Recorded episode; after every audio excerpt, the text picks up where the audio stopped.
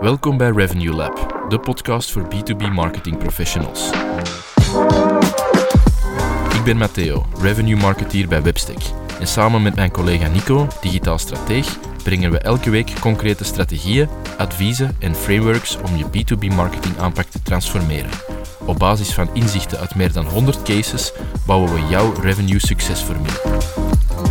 Welkom in ons labo. Oké, Nico, leuk dat we hier eh, vandaag zijn. Uh, in een iets andere setting deze keer. Het is niet in onze vertrouwde studio in, uh, in Mechelen. Uh, na onze expertsessie van vorige week is het effectief ook de eerste podcastaflevering dat we hier in onze eigen studio in, in Hoven Headquarters opnemen. Spannend. Ja, leuk. We hebben hier al een paar kleine dingen gedaan, maar nog niet voor Revenue Lab. Dus dat is wel leuk om hier vandaag de eerste letterlijk te kunnen opnemen. op zich voel ik mij natuurlijk al thuis, dus dat is geen probleem. Dat is positief. Dat is positief. uh, en uh, alles is hier piekfijn geregeld door onze recording team. Ja. Hoe noemen we dat eigenlijk? Recording team. En onze productieassistent, productieassistent uh, Andy daar. Zijn. Andy, voilà. heeft alles piekfijn geregeld, dus laten we er direct in vliegen. Super, kijk goed. Uh, ik heb een vraag bij en als ik ze opwierp van de week, dan, uh, dan zeg jij direct, ja, inderdaad. Uh, daar moeten we iets aan doen, want die krijgen we vaker of die horen we vaker.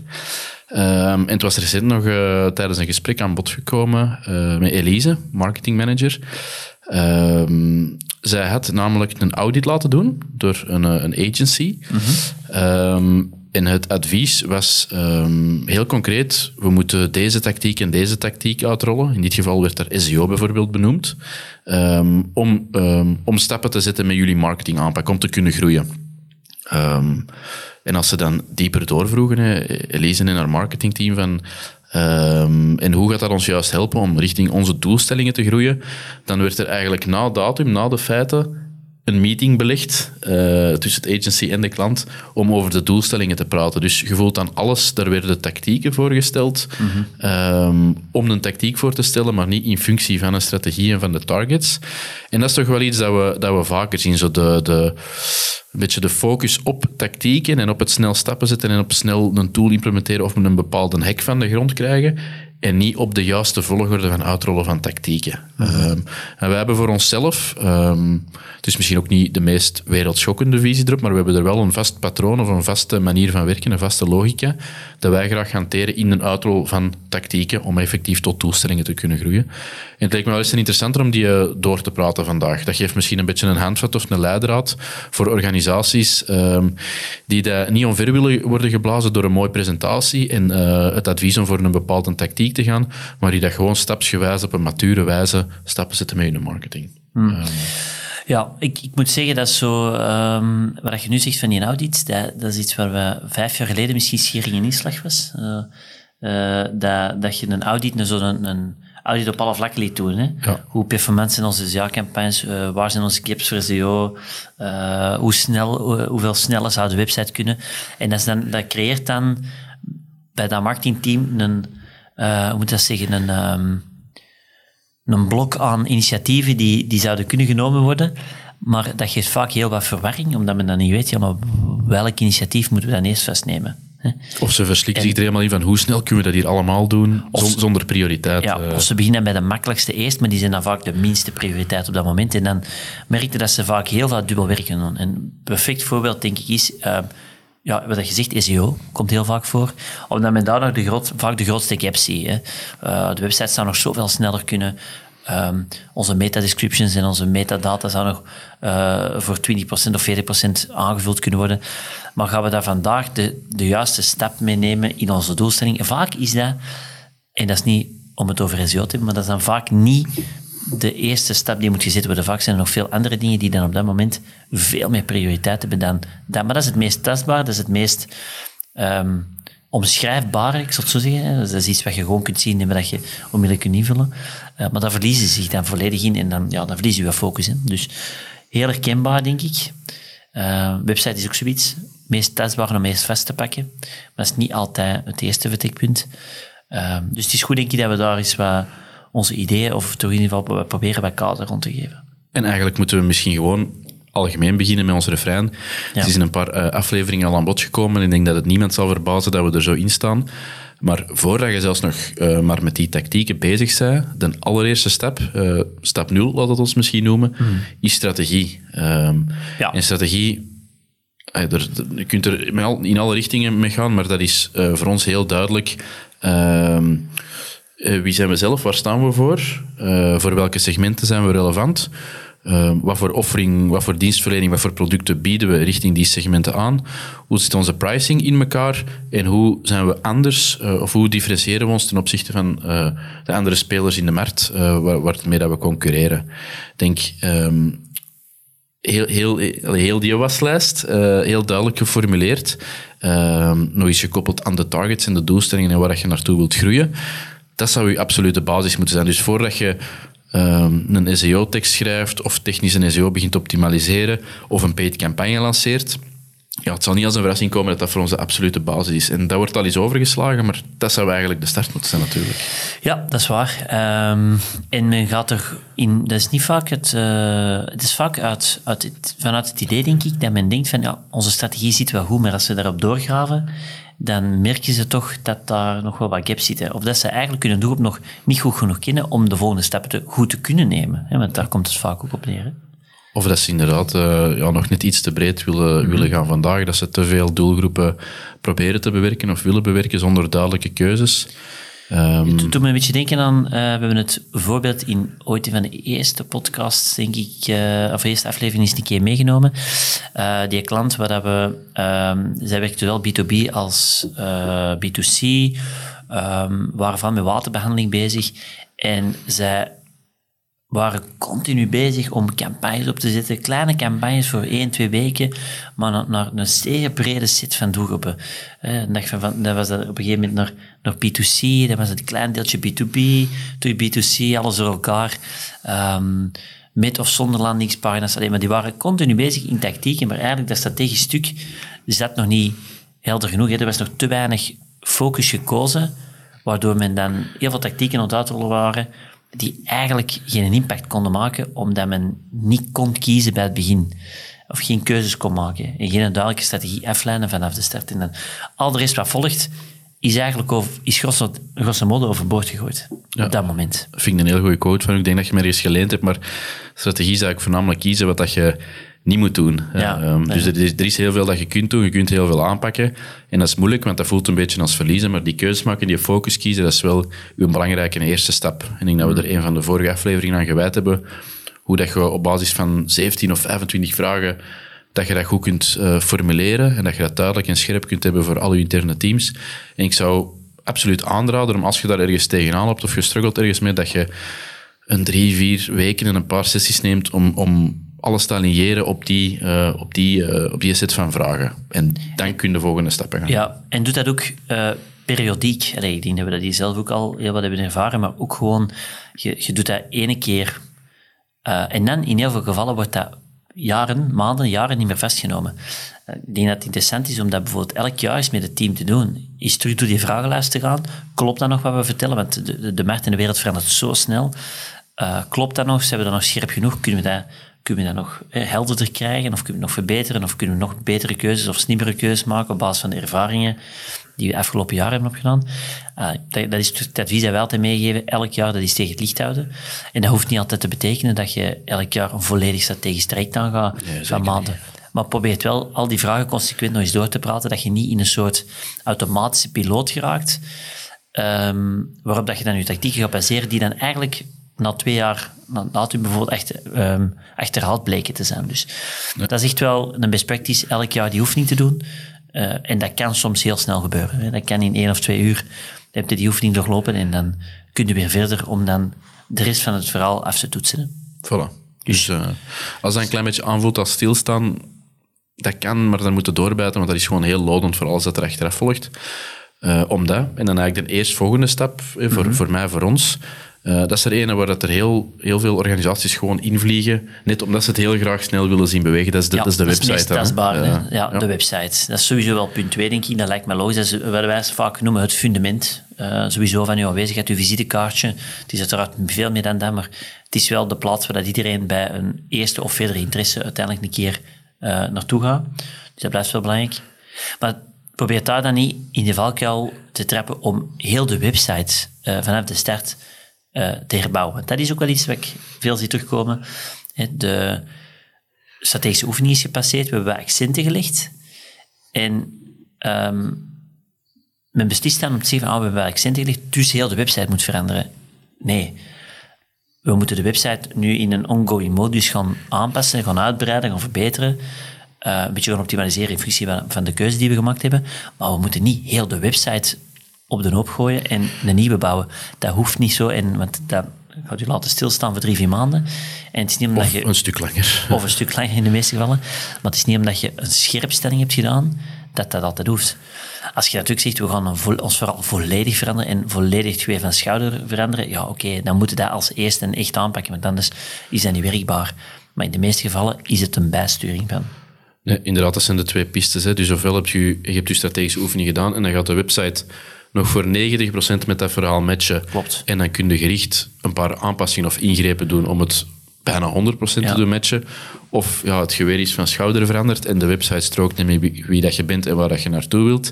En dan beland je uiteraard in een website-traject waar dat je effectief heel duidelijk aangeeft en heel terecht, dat mag geen oneindig verhaal zijn. Je moet je messaging en je verhaal kwijt kunnen in je website, maar het is niet dat je, uh, dat je die hebt gebouwd en dat er niet aan kan bijgebouwd of gefine-tuned of getweakt worden. Dus mhm. laat u er ook niet aan vangen van twee, drie, vier jaar want dat zien we, dat is de realiteit vandaag, in zo'n website traject vast te zitten en voor de, voor de rest volledig verlamd te zijn en niks te doen.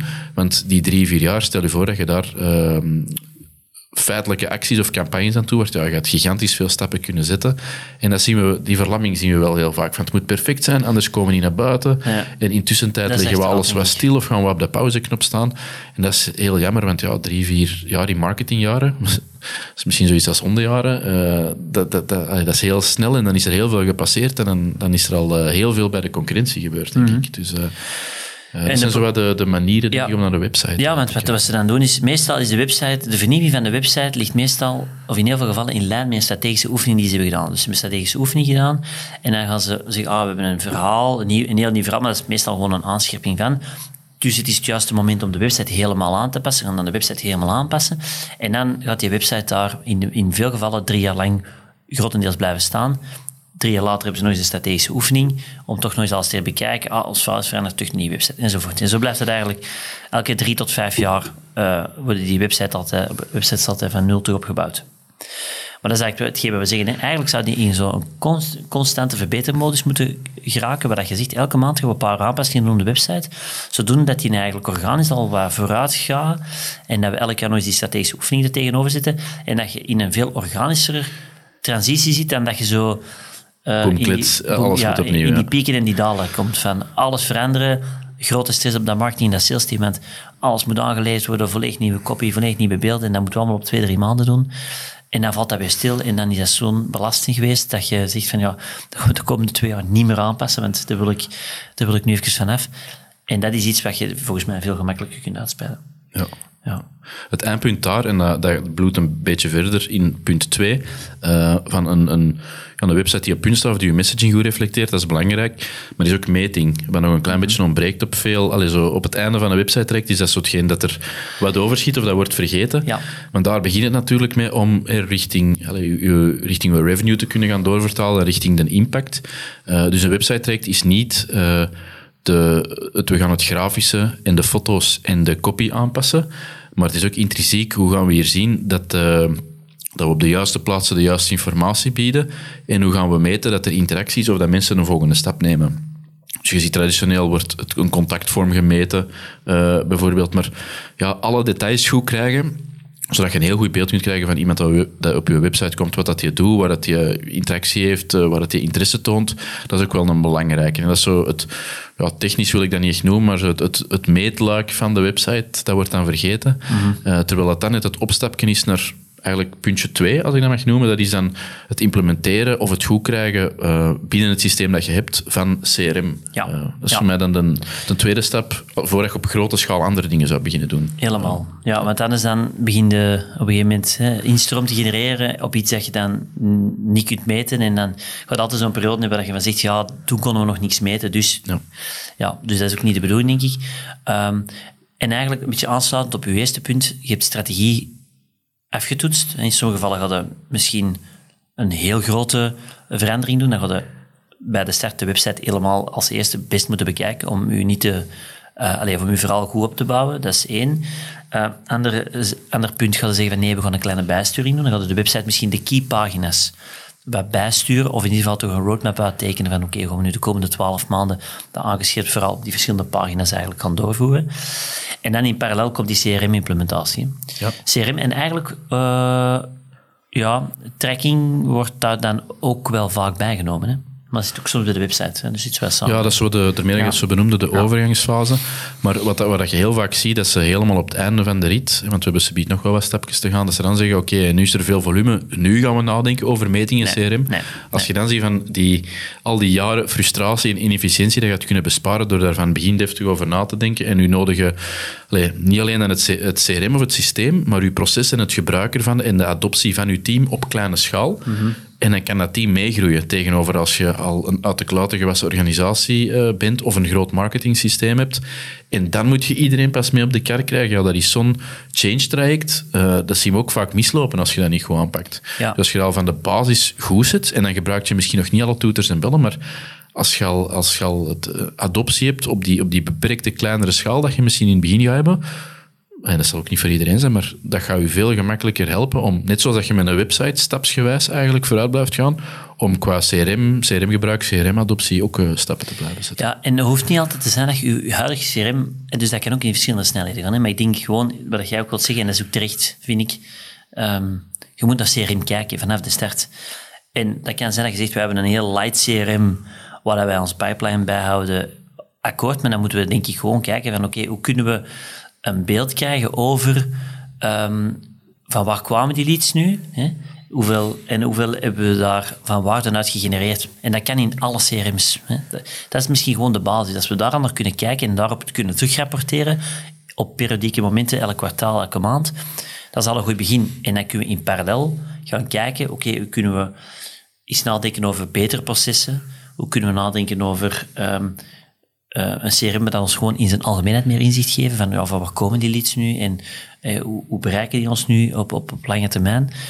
Uh, en dan kunnen we daarnaast een implementatietraject van een, van een breder, een, uitge, alleen een uitgebreider CRM bekijken. Maar dat hoeft niet altijd samen te vallen. Maar je moet wel naar CRM kijken bij de start. We gaan op een gegeven moment die website lanceren, of in ieder geval uitbreiden. Maar wat als er mensen op reageren en mensen aanvragen doen, hoe, hoe komen die binnen? Kunnen we dat achteraf terugzien en kunnen we erop rapporteren. Dat is eigenlijk het, uh, het startpunt van CRM. En, en, en dat is redelijk dat kan... veel, want stel je voor dat je dat, uh, die twee niveaus uh, op een moment moet doen binnen je organisatie of binnen, binnen een, een bepaalde fase, al, al, al later in het verhaal, dat er ook nog eens een druk is van grote volumes mm -hmm. en, en, en ja, uh, hoge performantie- en efficiëntie-eisen. En dan ga je in een systeem en de processen bekijken. Ja, je voelt direct, dat is een totale... Allee, dat is een enorme workload. Mhm. Mm -hmm. En um, ja, dat durft dan al eens lang aanslepen of niet zo vlot lopen. Dus denk daar vroeg... Ay, wees daar vroeg genoeg mee bezig en zit ook op die twee niveaus. Kunnen we het huidig CRM gebruiken of uitbreiden? En welke afspraken moeten we dan maken in, in dit stadium? Zeker als je het opschaalt. Hè. Zeker als ja. je zegt van oké, okay, de basis ligt nu goed, we gaan het nu verder opschalen. Ja, die volumes gaan stijgen. Als je CRM niet volgt of niet kan volgen, dan gaat dat een, een workload geven voor dat salesteam, waar je dan snel moet opvangen met extra mensen. Ook ja, een kostelijk uh, verhaal is het. Dus ja, ja, belangrijk om te bekijken en eventueel al sneller te schakelen naar een... Uh, een CRM dat eigenlijk die processen niet beter kan afvangen. Maar in ieder geval, er naar kijken is al de juiste volgorde na de website. Eh, ja. En niet pas na het opschalen van. Ja. Volgende laag, content. Ja, denk het wel, content creatie. Ja, dat is ook, dat is ook weer een bruggetje eigenlijk, want mm. vanuit je CRM, daar gaat ook vaak in, het, in, in je marketing, hub, je marketinggedeelte e-mail in zitten. Ja. Um, daar hebben we eens een hele aflevering aan gewijd, hoe dat je ja, seating toegewijs ook met e-mail als, als, als distributiekanaal moet omgaan om, om je database te bewerken. Maar om iets te vertellen te hebben daar en op kanalen die dat later nog gaan volgen, heb je inderdaad content, een contentstrategie nodig. Dat is, dat is de logische volgende stap die dat, als ik even zo probeer na te denken, vaak helemaal op het einde uh, vandaag pas komt. Ja. Dat ze zeggen, we, er staan al bepaalde dingen qua campagnes en website op punt. En dan gaan we ook... Uh, allee, dan gaan we aan content beginnen denken. Ja, want we hebben dat eigenlijk zo wel laten liggen altijd. Ja, of ze, ja, we, hebben- we hebben campagne, we willen wel campagnes hebben, want we hebben traffic nodig. Maar om die campagnes goed te doen, hebben we de content nodig. Dus dan komen ze altijd tot dezelfde conclusie. Ja, we moeten misschien eerst een contentplan hebben, vooraleer dat we mensen Ja. bereiken. Want we willen de campagnes, maar we weten nog niet goed wat we gaan vertellen. Nee. In lijn met de strategie. Dus ehm, ja, dat is punt twee. Allee, het volgende punt na, de, na het CRM eigenlijk, van eh laten we eens een contentstrategie uitmappen. En als je dat hebt, en je weet wat je gaat vertellen, op in welke frequenties en naar wie, ja, dan, kunnen we gaan, dan kunnen we pas gaan praten echt over, oké, welke campagnes, welke paid campagnes gaan we nu pas doen. Hè? Ja. En wij merken vaak dat dat als een van de eerste wordt aangehaald. Als mensen bij ons in gesprek komen, zeggen ze vaak, wij zoeken iemand om onze campagnes te beheren. En dat is uiteindelijk een deels wat wij doen. Ehm, maar dat is het eerste wat ze aan denken.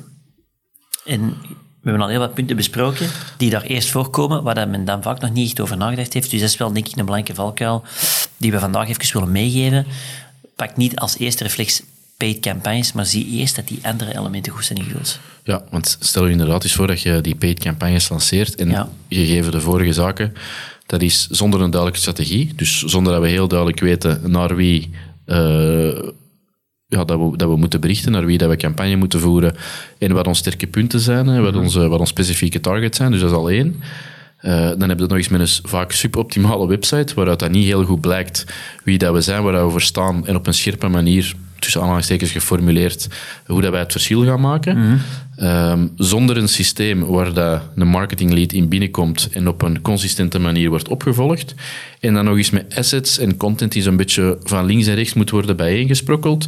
En eigenlijk ook nooit echt optimaal kan renderen. Want er kan altijd wel ehm had ook iets gemaakt of, of geproduceerd worden, maar als dat niet binnen een, een breder plan of een bredere strategie past, dan is dat altijd behelpen en dan is dat elke maand terugzien, ja, welke content gaan we nu bre- brengen, welk artikel gaan we uitlichten, welke video gaan we maken, tegenover als je al een contentstrategie hebt, ja, dan vloeit je paid er veel gemakkelijker uit, ook gegeven de, de, de voorgaande punten. Dus ehm, content kun je ook op ehm, twee eh, niveaus zien, denk ik. Eh, dus je hebt, Eh, ja, zuivere content. En je, hebt- Ja. je hebt je, je contentstrategie en de productie van je content. En voor mij wordt organische distributie is ook een onderdeel van content Ja. voor mij. Ja. Dus mogelijke afgeleiden die je van een video, van een blog, van een case, van eender wat, ehm, op de juiste social kanalen waar, kanalen waar uw doelgroep leeft, eh, ook organisch, dus niet betaald, niet ondersteund eh, via paid, zou verdelen. Ehm, Dat is het eerste. Binnen paid is dat dan... Allee, paid en content op platform is dat het ja, eerste zo, stuk. daar loopt dat dan Ja. zo'n beetje in verder. Dat je zegt, de best presterende, dat is die een draak van een term dat we hebben brand performance, dat je je best presterende ehm, organische content, die dat je op social zou verdelen, ook nog eens paid, in liedjes getweakte vorm, een boost zou kunnen geven. En dat is vaak zo'n... ehm ja, zo de eerste stap dat we binnen, binnen paid zien, of een stap dat we binnen paid zien. Eh, dat, is dan, dat is dan social. Maar je hebt uiteraard ook nog eh, bijvoorbeeld paid search. Ja. Dat is dan een tweede mogelijke tak, waarin dat je echt gaat zeggen, waar het vorige misschien meer gericht was op awareness en positieve associaties bouwen, is paid search meer gericht op ja, mensen die nu in koopmodus zijn, laat ons die afvangen. Brengen ook het snelste resultaat, ehm, meestal, of het, het het meest zichtbare resultaat qua kliks, qua websitebezoeken, qua conversies.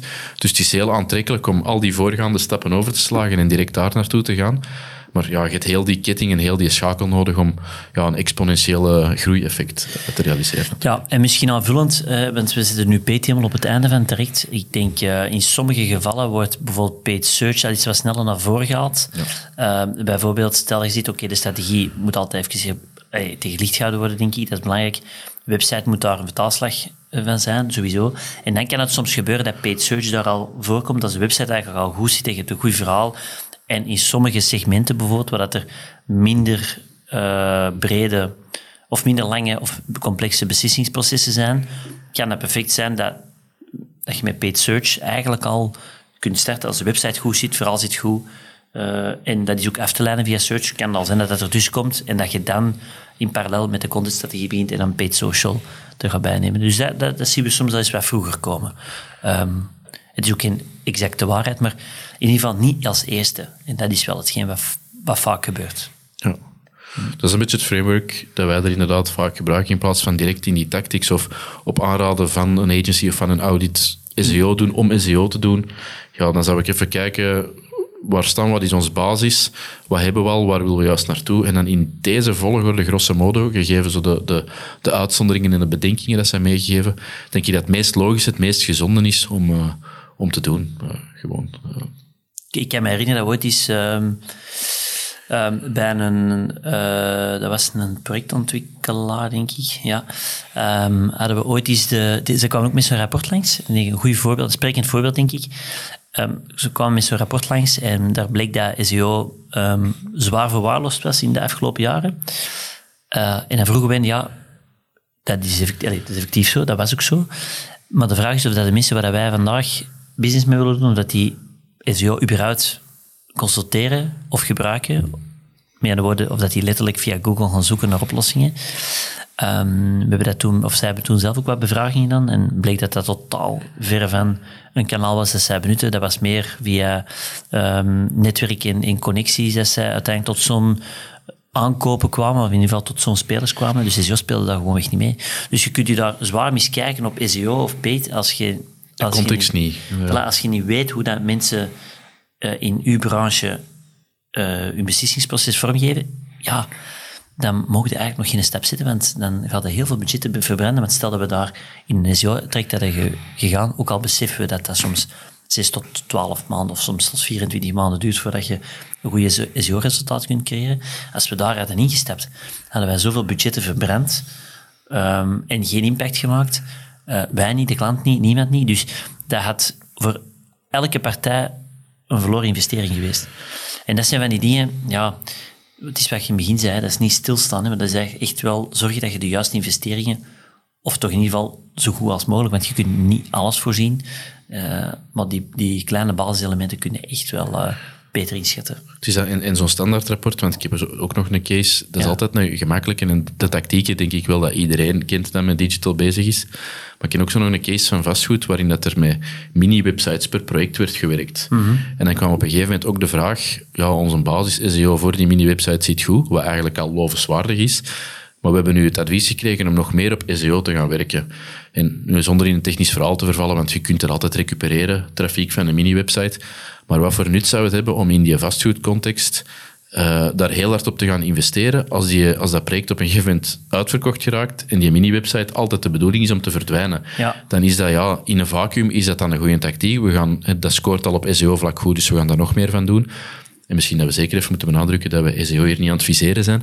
Maar in die case, ja, wat is de toegevoegde waarde van daar een top SEO mini-website te hebben die dat toch zou verdwijnen? Dus je Ja. moet het altijd, de puzzel juist leggen in functie van de, de, de context en van de uitdaging en de, en de doelstelling dat je, dat je voor ogen hebt. Dus eh, Helemaal. altijd een belangrijke. Voilà, maar ik denk dat we bij deze toch al iets meer handvaten hebben aangereikt voor eh, de juiste volgorde, want daar komt het eigenlijk gewoon op neer. De juiste volgorde, ik denk dat we, als we het grosso modo wat moeten samenvatten vandaag, dat we zeggen, probeer altijd even je strategie tegen het licht te houden. Idealiter periodiek laten terugkomen, elk jaar een vaste set van vragen met team eens doorpraten en even te aligneren, zitten we allemaal op dezelfde lijn, hebben we manco's waar we op moeten werken. Dat af te toetsen aan de website. In onze digitale presence zit dat in lijn met, met onze strategie. Om dan vervolgens eigenlijk te gaan kijken naar CRM. Eh, hebben we alle benodigdheden voor CRM en meting, om ervoor te zorgen dat we hetgeen dat we binnentrekken via de website, dat we dat ook wel echt goed kunnen meten en erover kunnen rapporteren. Om dan uiteindelijk naar een, dat door te vertalen naar een content marketing traject, eh, en dat je je verhaal effectief gaat vormgeven, en dan de versnelling finaal via paid. Uh, waar dat dan zowel social als, eh, als ehm, Google Paid bij zit. En in sommige gevallen komt Google Paid dan iets meer eh, naar voren in, in het verhaal. Maar dat is ook weer afhankelijk van de situatie. Goed samengevat. Ja. voilà, ik hoop dat we daar eh, heel wat marketeers en uiteraard ook sales eh, mensen en soms CEO's mee kunnen helpen om de juiste prio's eerst te zetten. Zeker eh, wanneer er rebrandings aan te pas komen, dan is dat zeker en vast ook wel belangrijk om die volgorde uh, te hanteren. En moesten er mensen zijn die nog vragen want we kunnen die dat altijd stellen via webstick.be slash vraag. Uh, dan komen wij daar persoonlijk op terug of we maken er een andere aflevering van. Uh, of stuur ons gerust via LinkedIn, dan zijn wij zeer bereid om u daar wat in te helpen. Of in ieder geval toch wat meer op richting, of wat meer op weg te zitten in de juiste richting. Alvast bedankt en dan zien wij jullie heel graag terug volgende week tijdens de volgende Review Lab. Tot dan. Merci dat je erbij was voor deze aflevering van Review Lab. Vergeet je zeker niet te abonneren om geen enkele aflevering te missen. Je specifieke vraag voor ons? Dan mag je dit altijd inzetten via webstick.be vraag. Wil je exclusief toegang krijgen tot onze frameworks, playbooks en Only events? Meld je dan aan via webstick.be lab. Tot volgende week.